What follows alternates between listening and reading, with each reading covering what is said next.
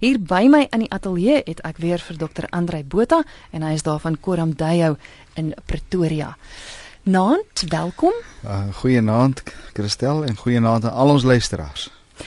Ons gesels vanaand oor konflikhantering en ek weet vroeër die week toe ek en jy gesels het, dit is 'n ongelooflike breë en wye onderwerp. Ek dink ons kan vir baie lank daaroor gesels. Ja, dis reg en 'n mens moet byvoeg uiterse komplekse onderwerp. Kompleks. Kom ons pak oor die bil by die horings. Ek het reeds 'n paar boodskappe gekry, maar ek wil gou eers begin met die vraag: Is konflik onvermydelik? Ek neem aan dis deel van die lewe. Ja, dis definitief deel van die lewe omdat ons mense is, omdat ons waardesisteme waarmee ek na die lewe kyk is bietjie anders as die volgende een, dis anders as my vrou se, dis anders as my tieners se. Dis anders as my baas se. Dis anders as die verkeersman se daar gaan konflik wees, dis verseker ja. Ja, want dit is ek dink vanaand gaan ons nou hoofsaaklik fokus op op konflik in in gesinsverband en miskien dalk as ons genoeg tyd het by die werk, maar dit is konflik is oral om ons met almal. Ja, verseker, verseker dink ek is konflik uh regtig om ons. Maar ek dink uh daar's daar's 'n stel uh, ja, ek hou ek hou mos daarvan om te praat van die ge, eh, verhoudingsgewoontes of lewensgewoontes wat ek moet bemeester om konflik uitstekend te kan hanteer want dis moontlik mm. en ek dink dis waaroor vanaand se program gaan. Ek dink ons gaan 'n bietjie die aard van konflik beduie en dan gaan ons 'n bietjie praat oor maar hoe hanteer ons dit Kom ons begin by die aard van konflik. Hoekom hou ons daarvan om te beklei? uh ja. Daai liewe ding van ek is reg en jy is verkeerd. Dis hy daai, né? Ek is reg, jy is verkeerd.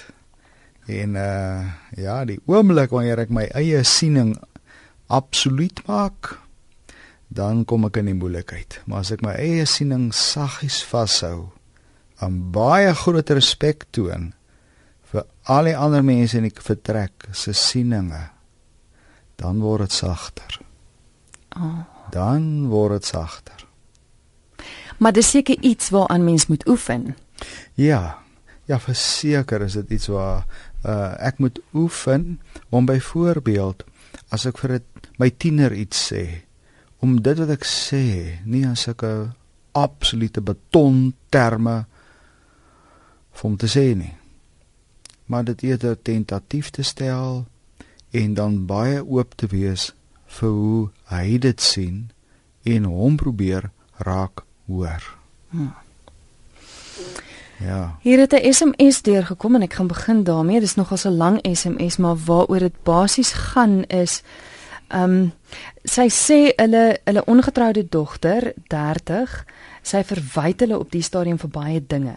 Na 2 jaar se studies by die universiteit het sy opgeskop en sy het redelik suksesvol geword. Sy het iemand spesiaal in haar lewe gehad, maar nou het sy die verhoudings bietjie wankelrig en sê dat Januarie vanjaar het sy besluit sy wil alle kontak met haar ouers verbreek. Sy het ook um, per SMS dink ek laat weet dat sy wil haar meubels kom haal. Sy reageer glad nie op enige boodskappe wat hulle vir haar stuur nie. Alle kontak verbreek. En nou sê die ouer, wat doen 'n mens? Um as daar op geen versoek gereageer word nie, as sy ons heeltemal uitskuif uit haar lewe, help asseblief om nugter te dink daaroor en ek dink die luisteraar is halfpad daar want sy wil graag nugter hieroor dink.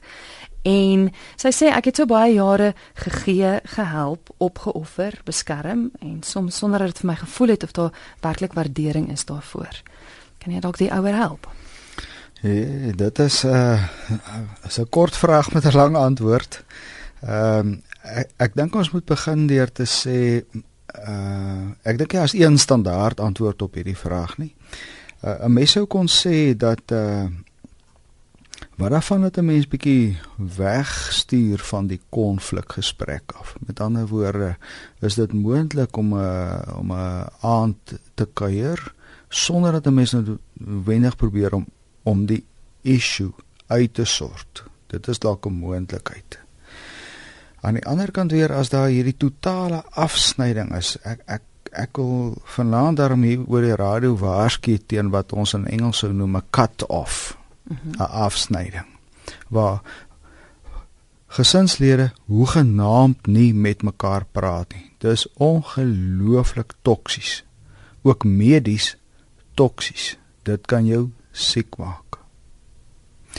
Die skade aan die binnekant van are, hierdie stil kil woede, die skade aan die binnekant van die are is meer as wat tabakrook veroorsaak. Ja. Dit word in literatuur hierdie kil stil woede, hierdie katos waar familielede besluit ek is woedend vir 'n leeftyd. Dit word bes, beskryf as the suicide emotion, die selfmoord emosie. Soos ontsettend toksies. Dis ontsettend toksies. Nou vir so ouers soos hierdie ek ek uh, het soms daarmee te doen en dit is absoluut tragies. In die lewe uh liewe vriende wrokke sleep soos 'n geweldige gewig aan jou eie voet. Sê nou maar ek besluit ek gaan niemand ek gaan 'n ou nie vergewe nie. Ek gaan met my pa ma nie vergewe nie. Dis 'n ontsettende gewig wat jy op jou skouers dra vir 'n leeftyd. Dit benadeel nie net die ouer nie. Mm. Dit benadeel die dogter wat gesê het ek praat nie weer met my ouers nie. Ontsettend. So ek wil tog sê ons moet probeer om ons verhoudinge sagter te maak. Ag en ek ja, daar's iets magnifieks wat ons noem vergifnis. Dit is 'n is 'n wonderlike konsep. Dit is 'n wonderlike wonderlike idee dat 'n mens mag aflaai. Iemand anders vryspreek. Ek vergewe jou. En die interessante is ek self wat iemand anders gaan vergewe. Ek baat die meeste daarbey. Hmm. Want ek stap vry weg. My menslikheid, hoor net hoe fantasties is. My menslikheid verhoog. My my menswees word voller en ryker as ek iemand anders gaan vergewe. Maar hoe nou gemaak as van die ouers sê nou geen kontak. Daar word nie gereed. Hoe hoe kry mense sulke mense bymekaar? Want wat as jou kind net nooit meer by jou uitkom nie? Ek meen selfs al wil jy dan nie gesels oor oor die probleem wat daar is nie. Hoe nooi ek net my kind vir 'n koppie tee? Hoe Ek ek weet nie.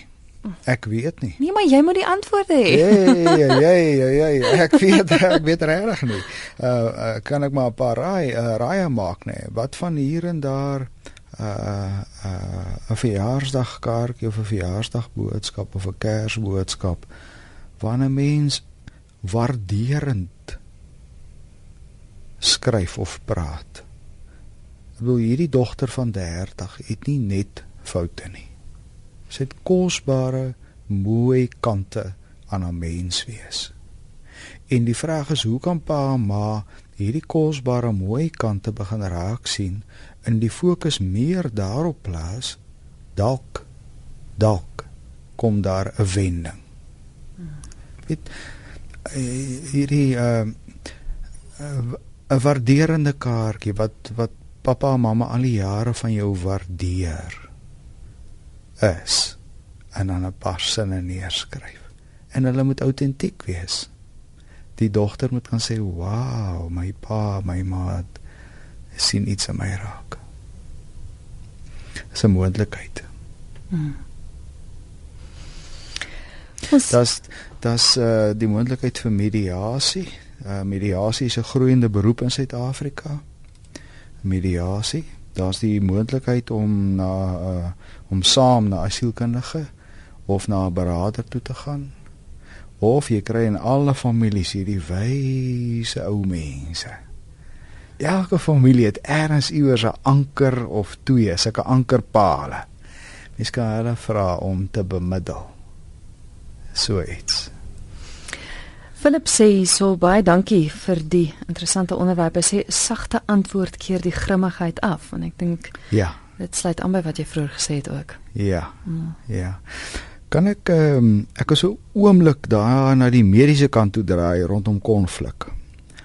Ehm um, konflik het altyd met die selle of die selletjies in jou lyf te doen.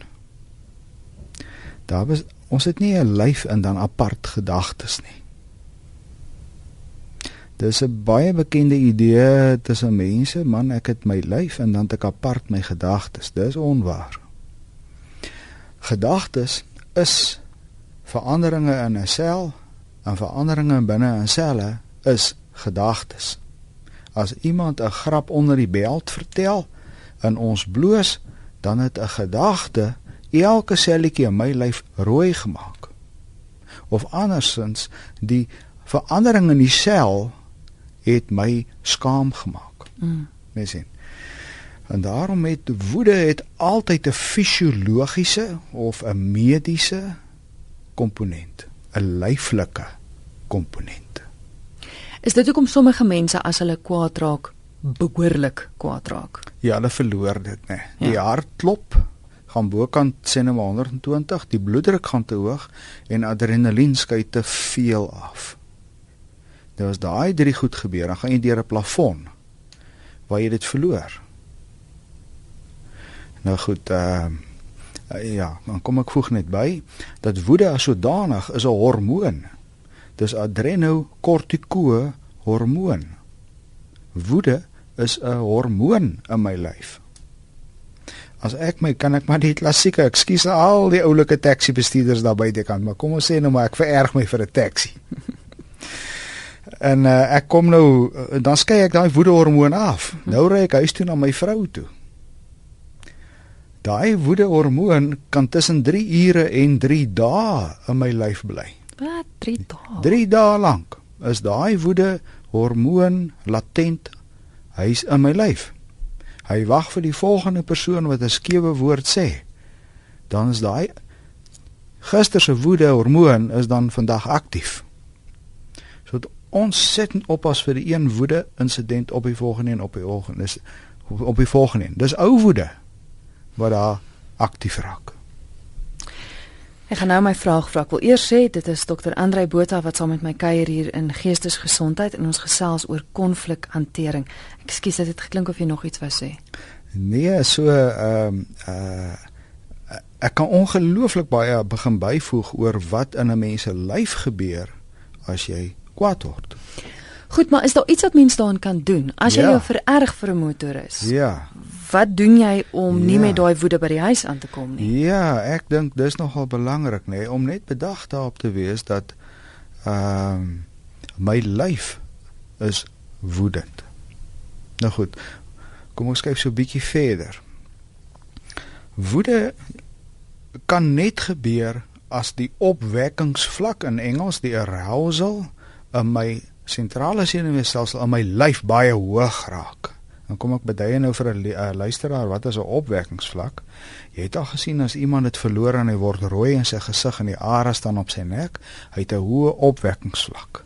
Of iemand het ontsettend rou by 'n begrafnis, is 'n opwekkingsvlak.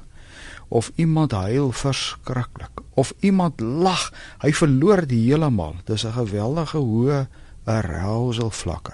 En verskil dit van persoon tot persoon? Ja, arousal vlakke kan verskil van persoon tot persoon. Okay. Ja, dis waar. Maar woede of enige intense emosie kan net gebeur met 'n hoë opwekkingsvlak. Goed. Okay, dit is belangrik. Woede kan dus net gebeur as my lyf in 'n hoër intense rad ingaan. Daai Ek hoop die luisteraar kan my hoor as ek dit sê. uh, nou goed, nou een van die eerste stappe in die beheer van woede is om te kan voel waar is my refmeter? Waar is my lyf? Is my lyf hoog in die rooi? Nou goed. Die die beheer van woede begin by die beheer van my lyf. Want as ek hierdie geweldige opwekking, ek het my nou vererg dit dit dit bonsie binnekant my as ek met asemhaling is belangrik.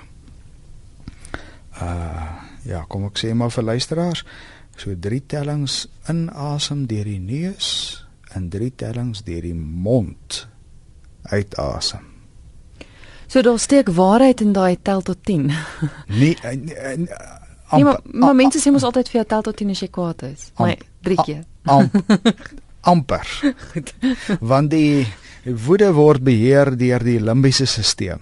en die die neurone, die breinselle in die limbiese stelsel is ongelukkig 10 maal vinniger as wat ek kan dink. So woede is ontsettend vinniger as wat ek kan dink. Dis hoekom dit dikwels nie help om tot 10 te tel nie. Goed. Okay. Maar nou as as ek my lyf kan sagter maak deur drie tellings in deur die neus mm. en drie tellings uit deur die mond en ek laat sak my skouers.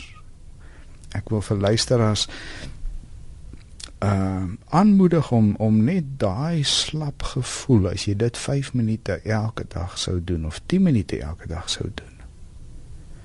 Om net deur die neus in en deur die mond uit. 'n ongelooflike suksesvolle manier om slap slap slap slap te word. En as jy slap word, kan jy kwaad wees nie. 'n Slap lyf kan nie kwaad wees nie. Oh. Ja. Ek sê altyd vir mense wat met woede sukkel, loop van môre af stadiger. Begin net stadiger in 'n winkelsentrum loop. Voel die verskil. Dink stadiger. Praat bietjie stadiger. Kan jy hoor al wat ek hiermee gedoen het, is om die relsel vlak in 'n mens se lyf sagter te maak. Laer te maak. Dis eintlik baie eenvoudig. Dis ongelooflik eenvoudig, maar weet jy hoeveel mense daar buitekant is nie in kontak met wat hulle lywe doen nie. Hy, hy weet dit, hy's nou baie kwaad en hy gaan hierdie mense reg sien. Hy hy's nie in kontak met sy lyf nie. So die begin van woede beheer in 'n mens self is om baie diep kontak te maak met jou eie lyf. Waar is my arousal vlakke, my opwekkingsvlakke? En 'n um, uh mense het wonderlike toegang deesdae. Google maar 'n bietjie. Hoe kan ek my arousal of opwekkingsvlakke verlaag deur asemhalingsoefeninge? Of as jy daarmee sukkel gaan gaan sien 'n sielkundige. Dit is fantasties. Of as jy aan 'n uh aan jou eie geloofsgemeenskap behoort, wat dit ook al is en hulle uh het meditasie, meditasie laat 'n lyf ongelooflik sag en slap word. Mm. So dis die eerste ding. En Christel, nou moet ek byvoeg. Verkeerd eet. Ja, hierdie arousal vlakke op. Rarig. Ja, ek ek is nou in die wêreld van verhoudinge. Ek sien baie mense rondom konflikverhoudinge en 'n standaard vraag in my spreekkamer is eet julle ontbyt? En die standaard antwoord is nee. Is nee.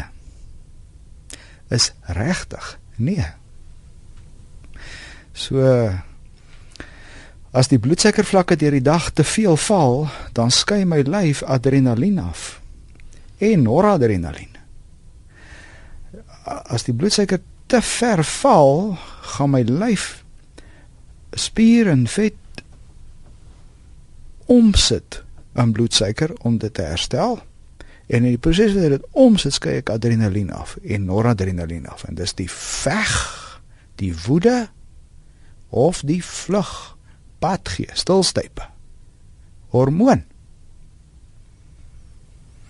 so reg reg eet het ongelooflik baie te doen met woede. Daar's die beroemde navorsing hulle deel rooi koeldrank vir die helfte van die kleuterskool uit en die ander helfte van die kleuterskool kry 'n appel. Dan tel hulle net die gevegte tussen die kinders. Dis ongelooflik. Ek en my vrou het baie gou uitgevind jy kan nie vir kinders as jy wil Kaap toe ry 'n pakkie lekker goed koop en dan stuur jy die lekker goed na agter toe. Ek wil voor jy in Bloemfontein aankom en jy vyf pakke sla uitgedeel. Dis verskriklik. En as dit pa ma se skuld. Omdat ons nie 'n uh, aanvoeling het vir wat bloedsuiker aan 'n kind se opwekkingsvlakke maak en dan gaan hy dit verloor. Ek het al 'n paar keer in my lewe te doen gehad met mense wat dit buitengewoon erg verloor, heeltemal verloor. Ek het al skoolkinders gesien wat uit die die skool moet verlaat as gevolg van woede. Wat dan met die tante en dan met daai oom bly en dit net verloor. Woede.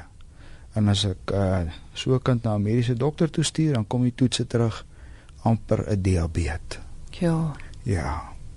Ja, das dit is daar's vier tronke ehm um, in Europa en die FSA groot tronke waar daar navorsing gedoen is oor bloedsuiker rondom geweldsmisdaad. Die langtermyn geweldsmisdadigers 80% van hulle het 'n fluktuerende bloedsuiker. So dit klink vir my eh, ons praat oor konflikhantering, maar mens moet eintlik voor dit nog begin. Ja. Want jy moet dit keer voor jy nog konflik kan hê. Ja, ek moet ek moet uh, eintlik uh as ek in die gedrang kom maklik in die gedrang kom. Die beginpunt is 'n lyf. Hmm. Goed, ek uh, mense sou baie kon natuurlik in so 'n program ontsettend baie kon sê hoe ek moet dink oor konflik. Maar ek wil mense met hierdie paar opmerkings net sensiteer van hoe belangrik dit is om in kontak te kom met jou lyf. Die doel van die program is om luisteraars navrae te beantwoord. So ek het so een of twee wat deurgekom het, maar ek moet sê dit is baie interessant en ek het nog nooit so oor konflik gedink nie. Gelukkig eet ek ontbyt. So. Dis nou 11:37. Jy luister na Geestesgesondheid en my gas is Dr. Andrei Botha, hy's van Koramdayo en soos ek gesê het, ons praat oor konflikhantering. Hier is 'n hartseer ouma wat sê, "Hoeveel keer moet 'n mens wegstap van 'n kind wat jou bly seermaak?" Hoe lank moet 'n mens in die skaduwee van jou kind se skoonfamilie leef en jou kleinkinders? Jy mag hulle nie sien nie of net wanneer die kinders besluit, want die ma aan die ander kant is oorheersend wat haar kinders aanbetref. Help, ek kan nie meer nie. Hoe ou twist is in skoonfamilies. Ek het die laaste tyd dan onder die geweldige indruk gekom van swak familieverhoudinge in Suid-Afrika. Ongelooflike swak familieverhoudinge. En uh ja. As as ek op 'n punt mag begin hè. Ehm um, ons moet die ek wil weier begin as wat die vraag hier is. Ons moet die kultuur binne families begin verander. Kom ek uh Party familie sal op 'n verjaarsdag sê nou maar van van Johnny sal almal kinders, tieners en groot mense sal by die verjaardag geleentheid net so op 'n streep af begin sê wat ek van Johnny waardeer is. Dan kan jy nou hoor, die gesprek gaan nou oor dit wat ons waardeer van Johnny. Dit bou 'n sekere manier van dink in daai familie in. Nie wat is verkeerd met Johnny nie, of wat moet Johnny verander nie. Dis net wat waardeer ons. En as jy daai kultuur binne in families begin indra, dan begin die hele aard van daai families verander. En ek ek sien dit, ek beleef dit. Hoe families verander omdat hulle die manier hoe hulle oor mekaar praat positief maak. In Engels dis 'n appreciative inquiry. Dis 'n waarderende praat oor mekaar. Want ons is so geneig om altyd te fokus op die negatiewe. Jy sien altyd net die foute raak. Ja. Dan kom ek ehm uh, nou so so 'n bietjie by die wêreld van gedagtes. Ek wil ons luisteraars uh neem na 'n gesin toe aan 'n ontbyttafel of na 'n raadsaal in waar daar raadslede om 'n tafel is by die werk of waar ook al. Alle gesprekke, ook tussen 'n man en 'n vrou, is in een en nou kom dit bly bietjie by my, daar's een of van twee taalsfere of taaldomeine of taalkolle. Ons gaan of hierdie gesprekke in risikotaal. Dit gaan goed wees soos man. Man van die begin af kan jy my nie verstaan nie. Kan jy hoor ek beskryf iets maar dis risikotaal, dit skep risiko. Dit gaan die konflik vererger en ek gaan nou sê hoekom. So enige byeenkoms kan in risikotaal afspeel of dit kan in oukei taal, waarderende taal afspeel. Kom ek noem 'n mooi voorbeeld. Ek kan vir my vrou sê: "Man, jy soen my met sulke dun lippies nes houma." kan jy nou hoor, dit is 'n risikotaal. Ek beskryf dalk iets, maar ek skep ook iets. Mhm. Ek skep 'n vrou wat baie onseker voel oor haar seksualiteit. My taal is 'n risikotaal. En risikotaal mag waar wees, maar dit skep groter risiko. Nou wat moet mense sê? Kom ek vat nou weer hierdie een van die soen. Ek sou 6 weke kom wag vir hy nat soen en dan sê ek hoe hoe doen jy dit? En sê sy, "Wat, dit is sommer maklik." Jy sien nou oor dieselfde ding gepraat, mos net op 'n ander manier daaroor gepraat. Oh. Nee. Ons dit beteken dat ons nie oor konflik mag praat nie, maar so hoe ons daaroor praat. Kom ek maar, kom ek van die bevoeterde risikokant in taal in? Dis 'n een taaldomein of kom ek van die ou okay taal? Ons twee. Weet jy, ons twee, ons het 'n fantastiese lekker uh kuier naweek weg. Wil jy nie my help? Dan praat ons so klein bietjie oor hoe ons Janie moet dis dissiplineer. Kan jy hoor? Dit is mm, mm. waarderende taal die hele tyd. En gesinne fluktueer nou bietjie tussen hierdie twee taalsfere. Maar waar gesinne begin agterkom, daar's risikotaal en daar's oukei taal en dan doelbewus wegstuur van risikotaal. Dit maak 'n ongelooflike langtermyn verskil aan gesinne, families, geloofsgemeenskappe, werks gemeenskappe, organisasies. Jy kan 'n hele maatskappy se kultuur verander deur te reël as jy as dit 'n basis wat vanaand na hierdie gesprek luister. Begin net belangstel in wat is risikotaal en wat is oukei taal. Of as jy meer wil lees, gaan lees oor appreciative inquiry. Is 'n hele paar SMS'e wat deurgekom het van mense wat vra oor oor ekse daai ja. konflik tussen 'n man en vrou wat geskei is. Ja. Kom dit op dieselfde neer, sê nou maar die een eh, gaan dan nou en sê goed van nou af gaan ek okay taal gebruik, maar die ander een gebruik steeds risikotaal. Gaan dit op die ouene invloed hê dat die ander een ook anders begin dink? Moet mens maar net uithou en aanhou? Ek dink ons moet uithou en aanhou want as ek ook in risikotaal inval, dan dra ek hout aan na die vuur toe. Goed. Ek sê altyd vir iemand, jy weet, ek kan kies hoe ek deelneem aan 'n konflik ek kan hout ander aan uit die vuur toe. Ek kan nie die vuur stook. Mm -hmm. Of ek kan besluit ek gaan nie hout ander aan nie. Ek loop hier reguit pad, ek loop hier regte pad, ek loop die or die sagte pad, ek loop die ordentlike pad. Ag en ek wil weer sê liewe vriende, navorsing is oorweldigend. Dis nie so seer die egskeiding as sodanig wat 'n kind beskadig nie. Maar as die ontsettende konflik wat na die egskeiding vir jare aanhou. Die konflik. En terwyl van kinders moet ouers 'n plan maak met die konflik. Ons huwelik het nou nie geslaag nie, maar dan moet ons met die egskeiding 'n sukses maak. 'n Suksesvolle egskeidings is die vestiging van 'n sagte, respekvolle verhoudinge. En van fantastiese hulp daar buitekant. Ek is nou uh ook so stadig aan betrokke by die wêreld van mediasie. Dis 'n opkomende veld rondom egskeiding. Daar's wonderlike moontlikhede rondom mediasie. Gaan sien 'n mediator, gaan sien 'n beraader, gaan sien 'n sielkundige. Daar's fantastiese vriende daar buite. Daar's die wonderlikste hulp om uit konflik uit te kom. Ek dink ons moet sommer eendag gesels oor suksesvolle egskeidings.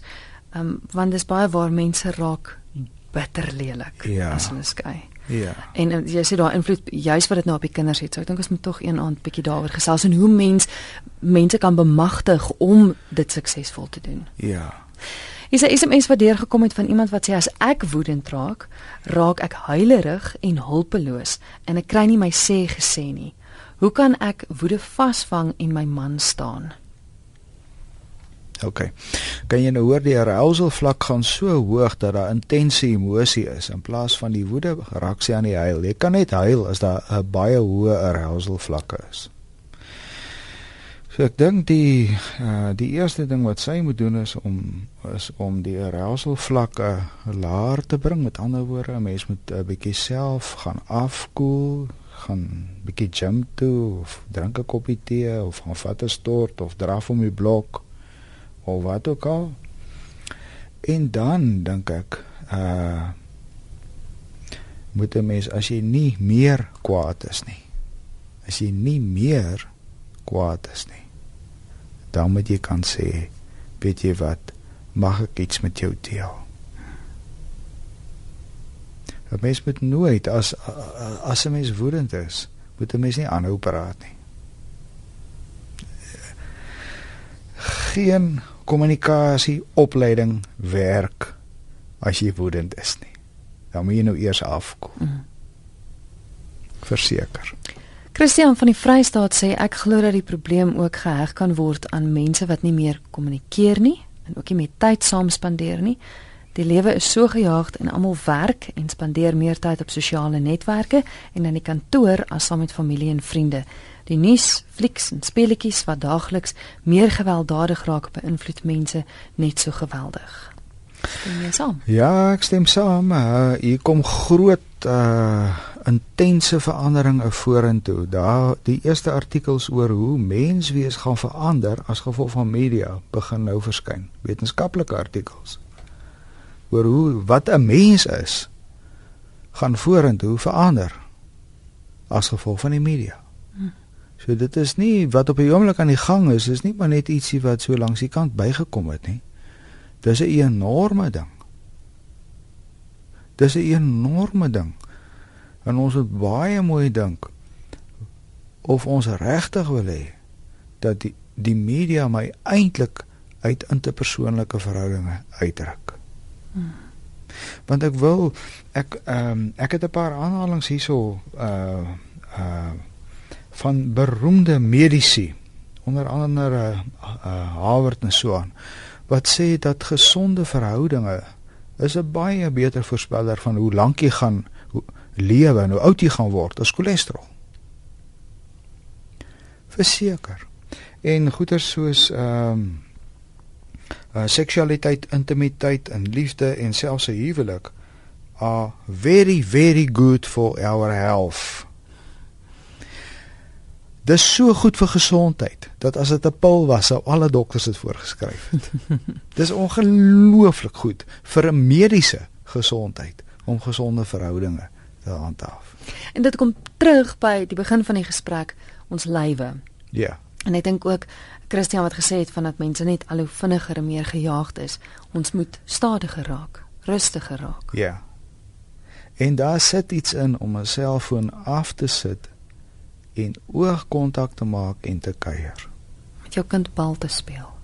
Verseker, bedoel om om om by my vrou te gaan sit by 'n koffietafel en haar in die oë te kyk. Ek bedoel wanneer laas jy regtig in jou eie vrou se oë gekyk en vra hoe gaan dit?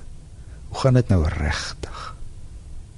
En die fantastiese is dan skei sy die binding hormoon, die bonding hormoon af, oksitosine. Sy gaan vir jou liewer word net om jy haar oë kyk het. Dan kan jy hoor dis weer 'n helender verhouding, né? Dit het ontsettend baie met ons lewe te doen. Christel, hierdie vrou nou hierdie hierdie hierdie program is te kort vir hierdie ja. onderwerp. Want ek sien nou dis 10 voor en ons moet nou haltroep, maar ons ons gaan nog baie gesels, jy gaan nog baie by my kom kuier hier in die ateljee. So ek dink ek gaan soos vir die vrae aankom ook dit bymekaar maak en ehm um, dit hou vir 'n volgende keer. Want ek dink ons het nog nie eers regtig eintlik aangeraak aan konflik by die werk nie. Ek dink maar net iemand wat konstant elke dag kwaad raak vir hulle baas of vir iemand by die werk, dit moet 'n invloed hê op jou liggaam. Verseker. Verseker. Ons en, moet dan ons moet dan volgende uh, gesprekke wil ek graag met mense 'n bietjie praat oor oor ehm um, uh die Engelse term flooding wat gebeur in 'n brein as ek my ernstig vererg het. Goed. Né? Nee? En ehm uh, uh as 'n man en 'n vrou of werkskollegas dit nou verloor, wat gebeur in hulle breine en hoe gaan hulle daar uitkom? En dan sou ek baie graag uh 'n bietjie gesels oor hoe maak ek dit baie veilig dat ons in 'n gesin regtig omtrent oor enigiets met mekaar kan praat. En uh, 'n ongelooflike belangrike een, die belangrikste boek oor leierskap wat ek ooit gelees het. Het hierdie bekende Goldman en twee Harvard sielkundiges geskryf waarin hulle aantoon dat 'n brein steek 'n ander brein aan. Emosies steek emosies aan. En daaroor moet ons eintlik 'n hele onderhoud maak. Uh woede steek aan. Mm. Humor steek aan. En uh as jy dit kan bemeester, dan word jy die emosionele leier in 'n gesprek. In 'n in 'n in 'n raadsaal. Mm. In 'n gesin. Fantasties, ek sien uit na nog baie gesprekke. Andre net vinnig gou weer luisteraars wat Kurumdayo sou wil kontak, mag hulle? Ja, as welkom. Daai telefoonnommer is 'n Pretoria nommer 012 en dan 9988 323. Ek sal dit nooit vergeet nie. 9988 Mazda 323. Ja, dis reg. baie dankie vir die kuier. Baie dankie hoor. Jy is ingeskakel hier op RSG, dis Geestesgesondheid waarna jy geluister het. Onthou die program sal later môre beskikbaar wees as potgooi op die webwerf as jy weer daarna wil luister of miskien dalk vir iemand wil aanstuur wat nodig het om die program te hoor. Net gou weer Koram Deyer se nommer, dis 012 9988 323.